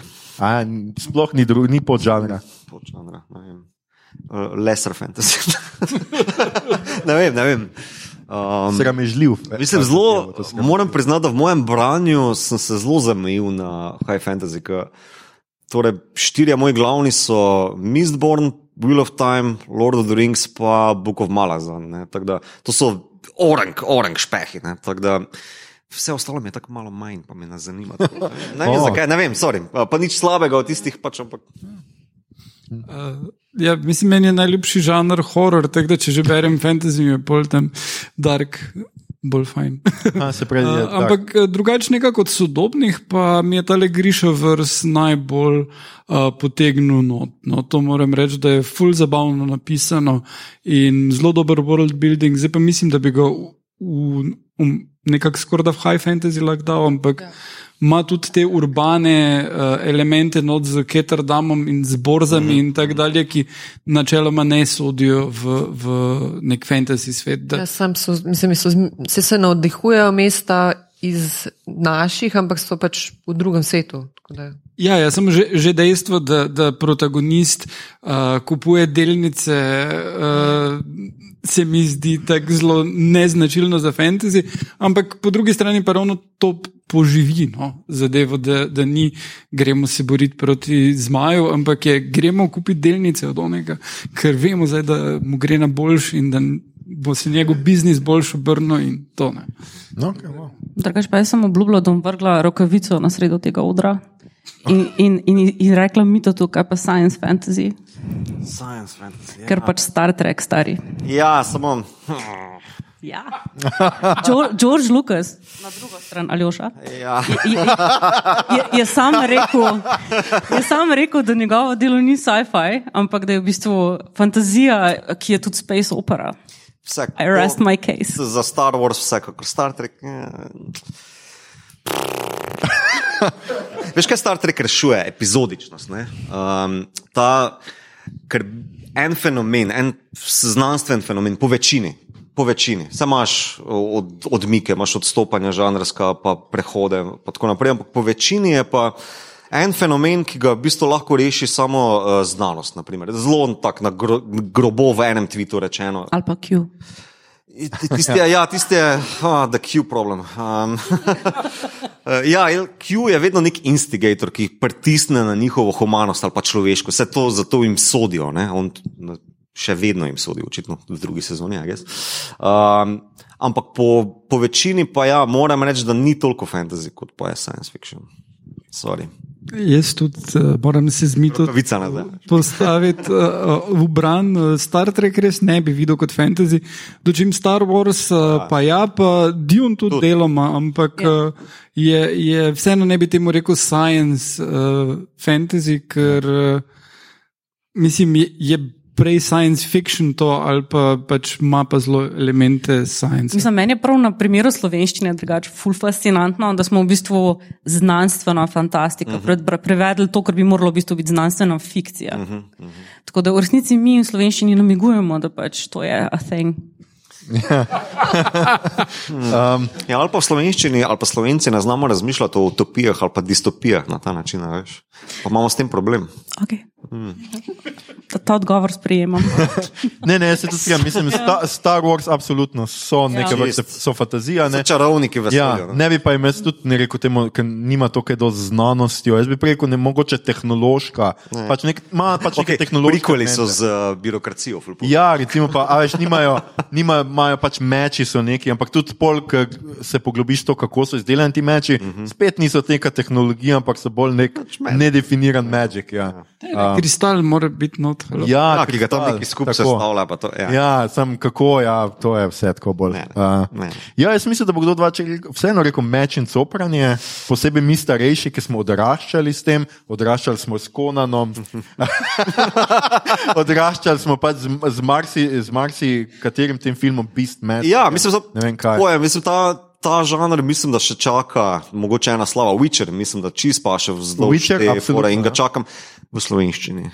Da mogoče bom tu malo večji fan, rato, kot pa sem do zdaj. Zdaj, v bistvu od Konana imam samo res Konana, no? oziroma od Meča in Copranja imam torej Konana, pa Kurula sem pogledal. Pa en full dobro špil, Sword and Sorcery na Androidu, da bi špil, priporočam. Um, to je pa to, ki v bistvu tako. Ja, res je. Highlander, guess, da bi lahko tu noč stlačil, čeprav ja. je še vedno naš svet, kao, ampak ja, mislim, da Highlander. Ja, in tudi Henry Cavill prihaja. He's coming. Ja. Mm. Um, ja, no, skratka, eh, če gremo zdaj ti podžani meč in copranje, seveda je eden podžanov, kjer je v resnici sem bolj se osredotočen na individualnost, to je pač razlika med tem, da pač imamo tle individualnega junaka, ki neke svoje načrte izpolnjuje in ga v resnici ne briga toliko. Boj med dobrim in zlim, mm -hmm, čeprav mm -hmm. se v to rad umeša, kot se konan pač. Mm -hmm. uh, umeša pa pač pobija neke kače, ki hočejo jesti princese in tako naprej. Ampak načeloma. Ja? Eno vprašanje imam, zdaj prej si omenil, in glih se na to navezuje. Ja. Prej si omenil, da Beowulf ni fantasy. Kaj pa sodobne adaptacije Beowulfa, tudi filmi? Recimo? Ja, zdaj je odvisno, kolik, kako daleč grejo. Zdaj sem ga glih nekje videl tega z uh, tem Lambertom. Ne? Um, je, Zelo slab. Ja, ta je nek, ta je nek steampunk Beowulf, nekaj takega. No? Skratka, ja, gledaj, vse sodobne, vse dan danes se da vse pač tako narediti. Če se naredi v nekem konstruiranem svetu, na ta način je lahko. Mm. Čeprav bi jaz tudi pri Beowulfu bolj rekel, da je sword and sorcery, ne? da je pač. Sej, sej, pravim, ja, je, da je bolj tako, pač je nek individualna naloga, ki jo ima nek junak in pač to, ko premaga, je to bolj ali manj to. Ne? Zasluži neki, oziroma neki dobi, zraste kot človek in tako naprej. Pol pride še mama od Grendela. No, skratka, eh, tako. Um, ja, to spojlat. Ja. to sem samo hotel reči, je pa to en, kar uh, star, jaz sem danes mal več bral, ne vem zakaj zadnjič, ko smo kona nadelali, nisem. Ampak uh, en najstarejših filmov je The Iron Crown, italijanski La Corona di Ferro iz leta 1941, velja za enega prvih filmov uh, uh -huh. Meča in Sopranja. Konan je pa z 80-ih, 82, spravi. Uh, ja, pa se le na ta način bi lahko šel tudi na Alibaba in 40 razbojnikov. Himen. Himen, himen, ja. ja, seveda. seveda, ja. seveda. Ok, in smo pri temačni marakobni fantaziji. Kaj je tu razlika, kdo bo se tega lotil? Sanja, ker je diplomirala iz mračne, ja. temačne, marakobne. Se, to sem v bistvu že malo prej povedala, ne? da to je v bistvu pač nek tak žanr, mm -hmm. kjer se malo dejstvujejo te bolj temačne tendence človeštva uh, v varnem okolju in z lepimi konci. Um, to v bistvu je dark fantasy, uh, pa pač v bistvu junaki imajo bolj aktiven pristop k temu, kot bi imeli v gotični. Oziroma v gotiki in tako naprej. Zdaj, ne pa v bistvu subžanra temačne fantazije je v bistvu um, supernatural romance. Ker pač to je v bistvu dark fantasy romance, je isto kot supernatural romance, ker so v bistvu tudi ti pač nadnaravni elementi, nadnaravna bitja in tako naprej. Tako da v bistvu tle se mi dve srečava. ja, tako, um, ker pač ja, to je zelo zabavno in to je v bistvu prav en tak zanimiv uh, žanr, ki ga zelo pišejo ženske za ženske. Mm -hmm. Tako da, ja. Tako da je že nasploh, mislim, nasploh je malo več romance, ni tako, Ja. malo več je tega notora, zdaj Will of tam je čisto moška fantazija, ker ima en tip šest žensk, ampak tle pa je mogoče uh, malo drugačno. Ja, mislim pač uh, že tako na začetku, pred, pred desetimi leti, ko sem jaz dejansko pisala to diplomo, ne, pač bil, je bil um, totalen predstavnik tega žanra True Blood oziroma mm. pač Southern Vampire Mysteries od Charlene Harris. Um, ki v bistvu, ja, vampiri, vokodlaki, you name it. In, mm. dobro, Vile, takrat sem nehal gledati. Uh, ful dobr, ker v bistvu, če, tako, če se bo slučajno kdo to lotil brati, please, tako ne končati serije. Zadnja knjiga je čisto življenje nad liki, ker so jo prisilili, da jo je napisala. tako Da, um, nek, nek tak ful izbruh sadizma je bil. Um, pač, ki tako mogoče ni bil najbolj košer. Um, ampak ja, ne, um, pač ona pa, pa v bistvu zdaj, praha, zdaj so naredili. Um, uh, serijo Discovery of Witches, ki je v bistvu temelji na All Souls uh, trilogy, ki je tudi recimo v tem žanru, Ja. pa, pa je tako zelo všečno branje. Um, Ja. ja. No, Mislim, meni osebno je bilo všečno Ja, ja, branje, ker pač je tako branje, da se odklopiš. Ja, ja, ja. Kaj pa tudi uh, vse te young adult uh, zadeve, kjer je zmeraj ful pomembna romanca. Vampirski dnevnik. A, a res Ja. moramo o Twilightu. Ne, ne rabimo, tudi ne Twilight, eh, lahko spet Griševers, ker že par minut Twi- nismo. Twilight ga je populariziral ja, ne, v zadnjih desetih letih in pač v bistvu so je doživela, paranormalne romance so s tem doživele v bistvu nov razcvet. a ne. Ja. Uh, kjer pač vedno so se ti vampiri pa vokodlaki tako po enih ko- kotih plazili in pač nik- noben si ni upal čist povedati, da to bere, skrival si tiste um, naslovnice z pač temi nagimi moškimi in tako naprej. Ne. Uh, zdaj pa nekako je pač to spet tako kot za fantazijo, ne, v bistvu postal mainstream in, in, in je to postal pač čist. Uh, tako. Ja, pa v bistvu tuk- tukaj v tem, Ja. um, v tem dark fantasy žanru, oziroma v mrakobni fantaziji, bi jaz v bistvu priporočila eno ful zanimivo knjigo. Um, ki se tudi ukvarja z nadnaravnimi liki. Pa Ne, ne bi rekla, da je glih romanca, ker pač so neki elementi, ampak v bistvu res, res ne. No. Uh, niso v fokusu. Ampak ta knjiga je tako blazno zanimiva. Um, je knjiga Historian od Elizabeth Kostove. Um, in jaz, ki sem jo začela brati, sem imela mal tak šok, ker se tako ne vem, že v prvih straneh sprehajamo po mestu, ki ga ona kliče Emona, in potem gremo mal v Kostanjevico in v Navtočac. Um, in sem bila sem tako, excuse me, what? Um, in potem tako, ja, pač ker ženska dejansko uh, odraščala z očetom, ki je ful potoval in sta tudi nekaj časa bila v Sloveniji, šla je nazaj in je napisala knjigo, um, ki je tako mal, mal je tega ne- nekega pač de- dejanskega ozadja in odraščanja njega, pa gre pa pač se v bistvu preves v totalno fantazijo in se gre v bistvu za nek čist svež pogled na zgodovino Drakule. In je tako sam nora knjiga, tako dobro napisana, pač res tako s celim bitjem priporočam. Ok, super. Pa to je samo sam ena, ni tri Sam eno je, ne, Historian je ena sama knjiga, pač, je, je, je, je pa um, Aha, obsežna. obsežna. Lepo, lepo. Ja, ja. No, ker to sem tudi hotel reči. Valjda tle, uh, smo pozabili, men, da en od stereotipov je tudi tako, da mora biti večina serije trilogije. Najmanj. Najmanj. Najmanj trilogije. Uh, sej jaz sem nedolgo tega smo imeli en sestanek, ker zdaj bo fantazija postaja nek nišna, nišna stvar mladinske knjige in skušati le bolj razviti. In sem jaz pač mim grede vrgel, pač, da zdaj pride ven serija Robert Jordan, pač Wheel of Time, in so tako prodajci, ha, serija bo, serija bo, ja, ja. koliko je pa to knjigo, koliko je pa to, um, 14, um, najkrajša, kaj 780, Najmanj, ja, 50 ja. strani. Ja. Good luck with that. Um, skratka, to, no, zdaj pa, če ste že odprli to, da je mogoče preskočiti urbano fantazijo, kaj je to paranormalna romanca, se pravi, to pomeni, da se morajo zaljubiti. Ja, pa, če kadar je romanca, potem mora biti srečen konc. Pika, Ja, pika, stop, absolutno. brez tega ne gre. Če pač umre kdorkoli, če se razideta na koncu, je to lahko zgodba z romantičnim, ne vem, uh -huh. subplotom, kako se temu reče, skratka, s podzgodbo. Uh -huh. um, če gre za žanr romance, absolutno mora biti na koncu srečen konec za junake in junakinje, oziroma v kakršnem koli razmerju pač so liki, zdaj pač se ne omejujemo. Se pravi, na Samo, zdaj, če našteješ primere, potem spojlaš vse knjige. Ja, ampak v bistvu, ko, ko, se, ko, se, ko se lotiš branja romance, veš, da bo srečen konec in je v bistvu to tisto, tista varnost, ki jo pričakuješ, in potem kako pa prideta do tja, je pa pač tista glavna zadeva. Ja, ki si prepustiš. Pač, Ja. Točno veš, kje je točka A, pa kje je točka če, tudi če sta Ž, vmes sam pač- skoraj mrtva, tudi če se vmes štirikrat razideta, ti imaš za, zavedanje, da bo na koncu vse ok in da te avtor ne bo, avtorica ne bo izdala. In, in ja, to je to. to je. Hashtag literatura za anksiozne. Okay. Ja, ne, ti se smeješ, ampak je res. Ampak je res. Šteka. Ja, ne. To, to, to. to. To. Ja, skratka, in paranormalna romanca je, jaz sem tle v svojih zapiskih eh, napisala, da je sorodnica urbane fantazije, se pravi, gre ponavadi za, za svet, kakršnega mi poznamo, v katerem zraven živijo pač neka bitja, ponavadi. Ki, so zelo privlačna. Ja. Ja, ja.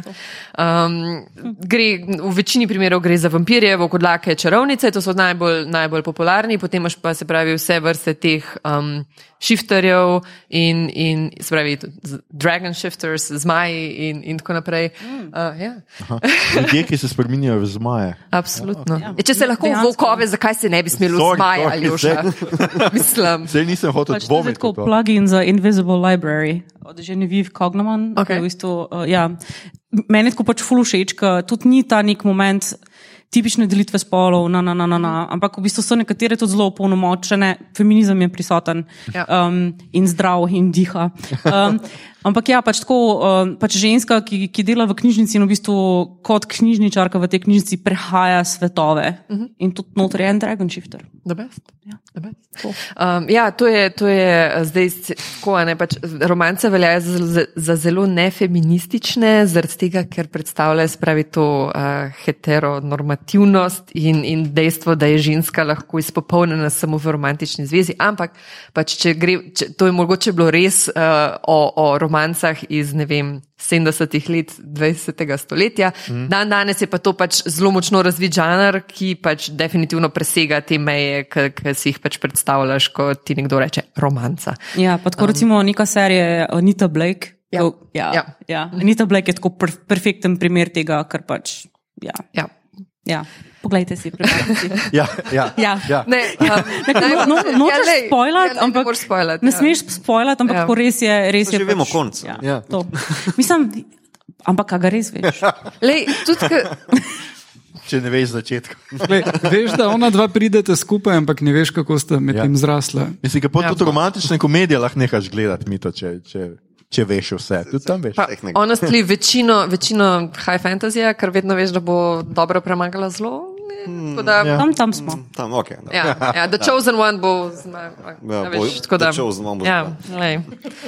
Um, ja, moja, konkretno moja najljubša avtorica tega žanra je Ilona Andrews, ki je v resnici pen name, um, pseudonim za moža in ženo, ki skupaj pišeta. Uh, ona je Rusinja in on je bivši, um, bivši vojak in pač se pravi, imajo tako, da ima, ta ful dobre, ta fantasy, eh, svet ima ta blazno dobro zgrajen in, in, in Uh, te akcijske scene so full dobre, z vsemi poimenovanji vseh pištol in vsega. Um, pa, pa, pa, pa pač tako sam, res konkretna romanca zraven in je čudovito. Ja. In um, priporočam. Bomo prebrali. Res je. eh, In zdaj nam je v resnici ostala samo še urbana fantazija, ki je pa nekaj zelo podobnega no, temu, kar si ti kaj že zdaj povedal. Skratka, imamo, gre za neko sporednost obeh Ja. svetov. No? Ja. Um, ja, mene gledaš. Ja, ja. Okay, um, ja. Gre se pravi za, za svet, v katerem se zaradi nekega razloga, včasih je to recimo futurizem, se dogaja v prihodnosti, se zgodi neka katastrofa uh, in se potem v bistvu zaradi tega magija recimo prebudi. To je pač ena uh, full dobra serija, je Heartstrikers od Rachel Aaron, ki je indija avtorica, ki ima zmaje v Detroitu pač, ne, in, in, in so pač. Zaradi tega, ker, ker je prišlo do nekih premikov, um, so se spet te bitja zbudila, ki so nekoč že bila, pa zdaj so zdaj spet ustala. Ne, pač, um, gre za, vedno imaš pač nek, se pravi, tudi world building, zakaj je prišlo do tega, um, da, so, da, da se je magija pojavila, da so se ta bitja spet znašla v našem svetu. In potem doskrat imaš nekoga, ki je ali človek, se pravi, ki ni magičen, ki se spopada s tem, ali pa nekoga, ki je pač, ne vem, mage, ča, čarovnik, čarodej, kako to prevajamo, ki pač, um, ne vem, bolj imaš pa, pa v tem podžanri urbane fantazije, imaš pa lahko recimo potem detektivko. Um, ali pa ne vem. Pa kakorkoli. Iztrebljevalko vampirjev, Ja, ja, ja. ja, ja. čeprav izganjalka je v originalu. Je, ne. A ja. Iztrebljevalka, ker ne vem, kako iz, izganjaš vampirja. Ja, se, Ja, mislim, s kolom. Uh, ena ful dobra serija je trenutno v tem žanru. Uh, mislim, da se na Amazonu najde, uh, mislim, Fort Salem. Uh, Motherland, Fort Salem, nekaj takega. Okej. In je o čarovnicah, uh, pač alternate history, oziroma sedanjost o čarovnicah, ki so res in jih niso eksterminirali, ampak so prevzeli vojsko ZDA. In, Oh. ja, Ok, ne vem. to. Jaz pa tle ne vidim uh, Konstantina pa Hellboya, ne. Zato bi čist pasal vzdolž tega, ne. Ja, ja, seveda, tam, tam nekje je. Ja. Ja. Ja, pa supernatural, um, Supernatural serija, ja. nadnaravno. Ja. Ja. tako je. Charmed. Charmed, ja. Ja. Take so- Charmed ja, tudi, ja. Ja, ja, ja. Ja, ja, mi to To sem gledal, zgledamo. problem je zdaj. Ja, no, lepo. Piše, da dobro, če imate radi London, je so serija knjig Rivers of London. Ej, Ja. Ful je dobra. ja, ful, ej, ne tako res. Pa tako v teh koronskih časih, mi, ki smo dosta v London hodili, pa ga res pogrešamo. So tako nori opisi tega mesta, res. Tako, že sem na tem se da naslajati, ampak tudi pač ja, tako na Meni je všeč, ker glavni lik ni ful pameten. Absolutno. Se pravi, je hobit ali kaj. Male, male, Oh, Pardon, pardon, ker sem vam. ja, ja, tako malo je povprečen. Aha, bolje pa slovenc, no, okay, pa, pa demo tako. Um, Ja, mogoče preden uh, gremo v priporočila, ker smo zdaj že malo blizu konca epizode, uh, bomo pa priporočali, kaj pogledati, kaj, kaj prebrati. Seveda bi radi podelili še kakšno knjigo, um, tako da bomo uh, šli k naslednjima dvema poskusoma. Um, zdaj, tukaj bomo šli pri tem tretjem vprašanju zelo tako, eh, se pravi, veljal bo najbližji odgovor. Uh, zdaj le potegujete se lahko vsi, spet bomo hobite dal tako zapora, tako da gospod tam le v drugi vrsti ne sme sodelovati, ker je že.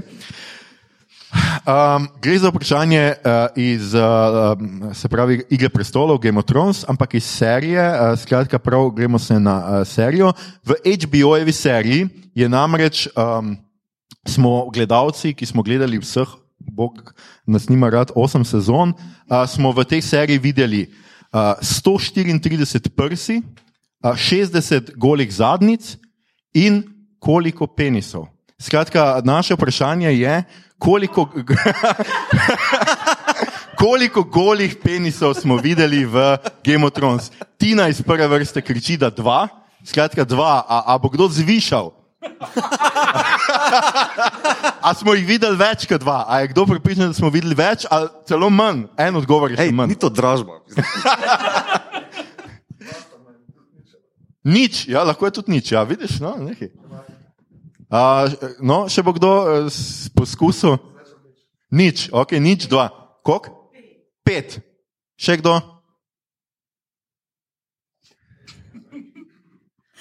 Nihče ne verjame, da je bilo več kot pet, ali da štiri obstaja.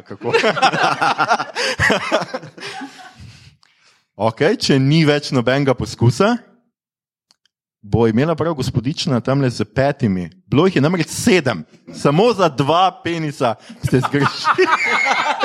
ste zgrešili pravilno odgovor. Čestitam. Um, Pa prinesem hobita, vmes pa seveda še eno vprašanje. To vprašanje je prispeval Mito uh, in je zelo uh, učeno. In je za tiste, ki ste brali Wheel of Time. A je kdo bral Wheel of Time? Gospod, ki že ima hobita, skratka, zdaj uh, se poteguje. Ne, ne morem. Um, res ni noben bral, pol ne vem, če bo to. Uh, Ja, v seriji je bilo zdaj samo menjeno, ne, ne vem, če to zdaj. A. Hmm. skratka, Mito te namreč zanima, kaj je ta veren. Uh, jaz vem. uhu. Ja, dobro, vidve. No? A, a se kdo, a kdo, pa ni taverna, ni gostilna, ne? Ja, to zdaj sem šele skapiral, kaj sem To je, skapiral. to je bil moj odgovor. To je bil Igorjev odgovor, ja, res je, gostilna. Ne, ni, ni gostilna. Um, hm. Hmm. Nemo še en drugim provati, mogoče to. Bomo skratka se vrnili k temu še na koncu, ko bomo imeli najprej mi to do konca za unike poslušajo doma. Zdaj bomo imate ni- čas, da googlate. da ne bomo skratka eno knjigo za gospodiča enega hobita, pa še imamo še kaj štiri knjige ali koliko za podeliti. Tako da tle bomo do polnoči se jaz bojim. um, uh, ne, gremo skratka dalje, gremo na priporočila. Skratka, tokrat nimamo rubrike, kaj gledamo, beremo, poslušamo, ampak imamo rubriko, kaj fantazijskega še priporočamo v branje, gledanje, igranje, očitno poslušanje. Uh, Mito, začeli bomo s tabo. Ja, jaz priporočam Mistborn um, od Sandersona, Book of Malazan. Okay, Uh, zakaj? Poveš. Dobro, Mistborn- stavek mi daj zakaj. Mistborn je super, ker kot prvo trilogija, lepo zaokrožena, okay. uh, kot drugo uh, ima zelo dobre like, uh, super magic system, pa glavna junakinja mi je zelo simpatična. Um, to je to, Okay, okay, okay, okay. Um, mala za nje pa enostavno tako crazy uh, world building, da se vse ostalo skrije pred tem. To je pa cel kontinent skuša zajeti v deset špehov. Um, zgodba je mestoma konfuzna, ker se v bistvu ukvarja z, rečemo temu, tremi sporednimi ekipami likov, ne samo enim, tremi liki. ne. Um, in če, če te rajca tako zadeva, je to super. Okay, Je okay. super. Za vse, ki vas rajca. Ja, a, A ja? Še bi dodal, uh, kar Kaj? se pa tiče špilov, ne, uh, da ne bomo samo v knjigah, bi pa vsekakor Baldura tukaj priporočil. Um, to je špil, ki se je začel v, mislim, v 90-ih. ne. Uh, torej, uh, ja, vse je. Mene pogledaš, ker veš, da To, kar mi kimaš, zato sem tako um, Realno časovna potezna igra, uh, računalniška, v bistvu ima pa zelo te uh, high fantasy nastavke. Zbereš ekipo, uh, zgrajeno itak na Dungeons and Dragons uh, sistemu, um, pa uh, zgodba se, mislim, da zaključi po tretjem špilu. Tako da, uh, full fine, full priporočam. no. Um, Pa Na Androidu, mislim, da na Androidu lahko dobiš, ne samo na PC-ju, tako da je bolj tudi, uh, sodobno usersko friendly. Lepo, hvala, hvala Mito. Igor, ti? Uh, ja, če smo že pri špilih, pa pri fantasyju, uh, je, je Warcraft kar v redu. Mislim, da je bil Candy Crush. ali pa kaj podobnega. okay, Warcraft, ja. ja, uh, Ampak filma pa domnevam, da ne priporočam. Ne, ne, nikakor. Okay. Uh, Dočim uh, uh, knjige, sem omenil že griše, uh, to je zelo v redu, pa uh, tale Bazlag, uh, Čajne mi je vila, uh, Perdido Street Station je ta prva in je uh, definitivno weird uh, in drugače. Mislim, tudi imaš ene. Te stereotipne, tale glavni junak je zelo ono. Ni, uh, mislim, tak mal klasičen. Uh, ponavadi imaš tole, kako si pisatelj predstavlja, da ga drugi vidijo, ampak mogoče samo v svojih sanjah. Uh, ampak uh, je zelo, zelo dober uh, world building in zelo weird. Ja, tako da to. Ja, jaz, jaz sem že rekla zgodovinarko, oziroma pač historian. Um, bi šla pa tako nazaj. Uh, pred Twilightom, pred True Bloodom je bila Anne Rice. Um, in pač njeni pač, uh, Vampire Chronicles so res noro napisani. Uh, tudi knjig, pač filmi so ok. Um, pač ne vem, nisem full fan Toma Cruza. Um, ampak, a ne tudi tako, shade. Ne, um, drugač pa. Noben tukaj ni omenil pri High Fantasyju do te točke, um, ampak to je pač avtor, ki je meni men ful ljub in pač to je Terry Goodkind. In on je pač napisal Sort of the Truth series, ki je bila žal pre- narejena na neki točki in v eno novozelandsko serijo, ki ni uspela biti ksena.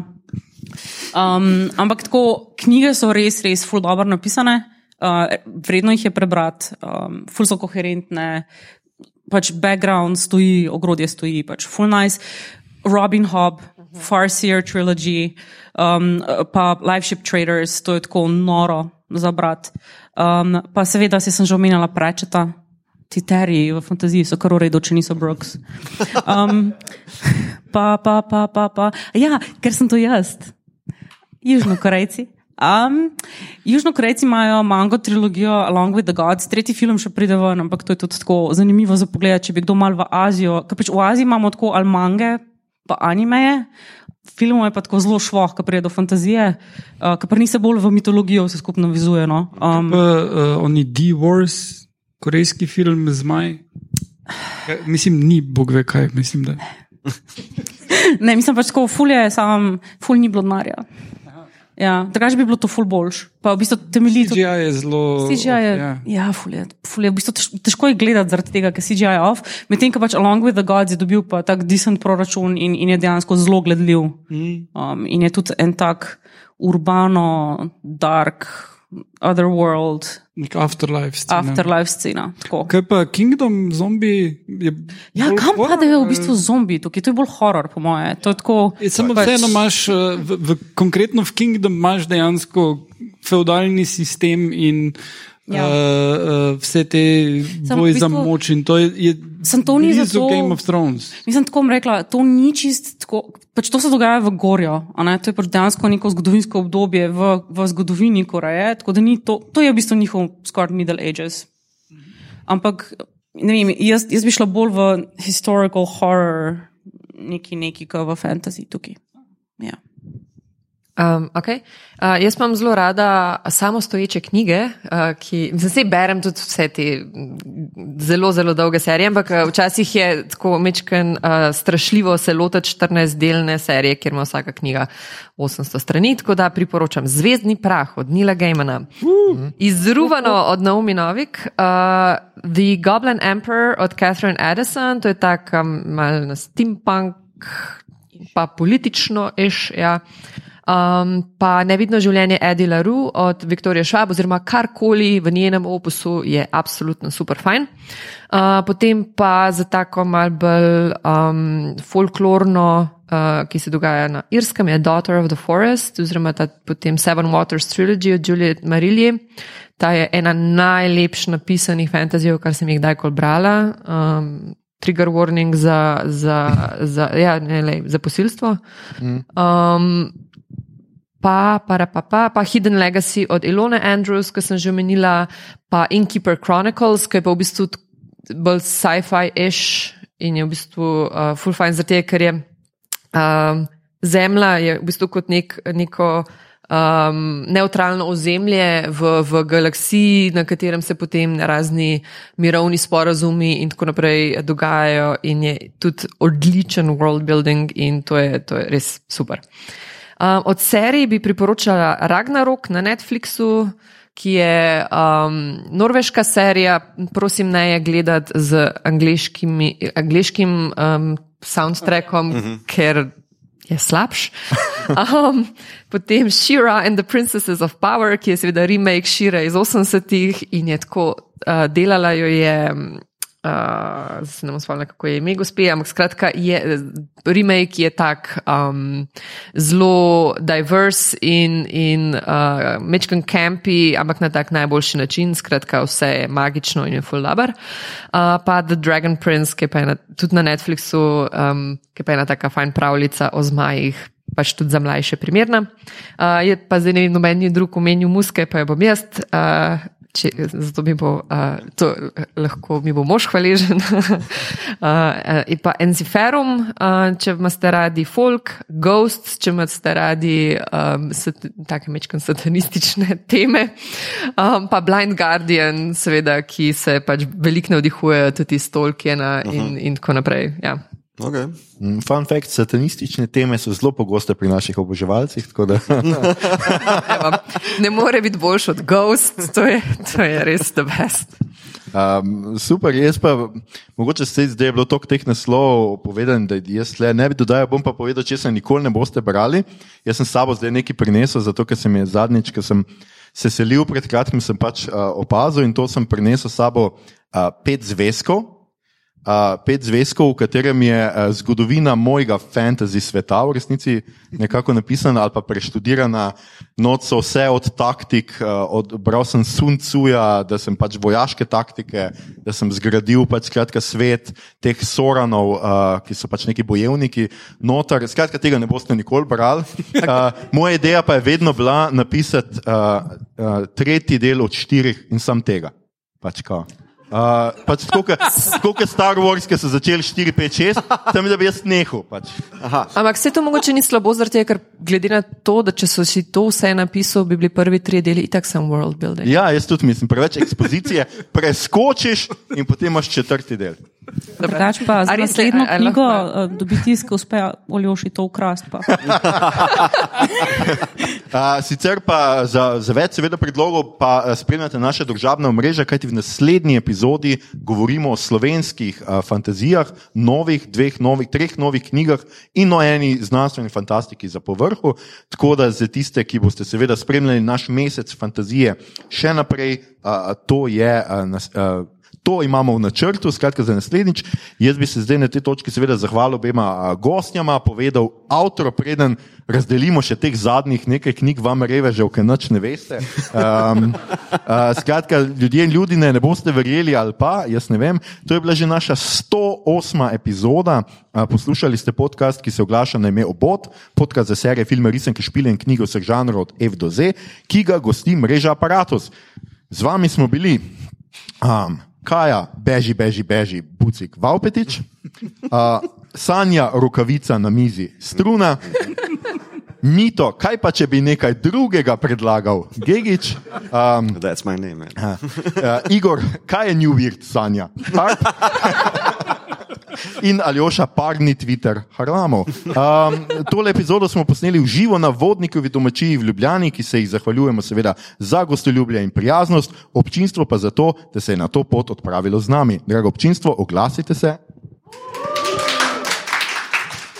Če vam je bilo všeč, kar ste danes slišali, delite, všečkajte naš podcast, naročite se nam preko vaše najljubše aplikacije oziroma ponudnika podkastov, dajte nam kakšno oceno na Apple Podcast, spremljajte platformo Apparatus z odličnim izborom podkastov za vsakega in če boste v naslednjih dneh zaradi našega pogovora danes segli po kakšni fantazijski knjigi ali pogledali kak fantazijski film, vedite, da od tega nimamo nič. Uh, žal se nam s kopuškim Hollywoodom in založniško industrijo ni uspelo dogovoriti, da bi dobili 50 centov vsakeč, ko to storite ta mesec, mesec fantazije.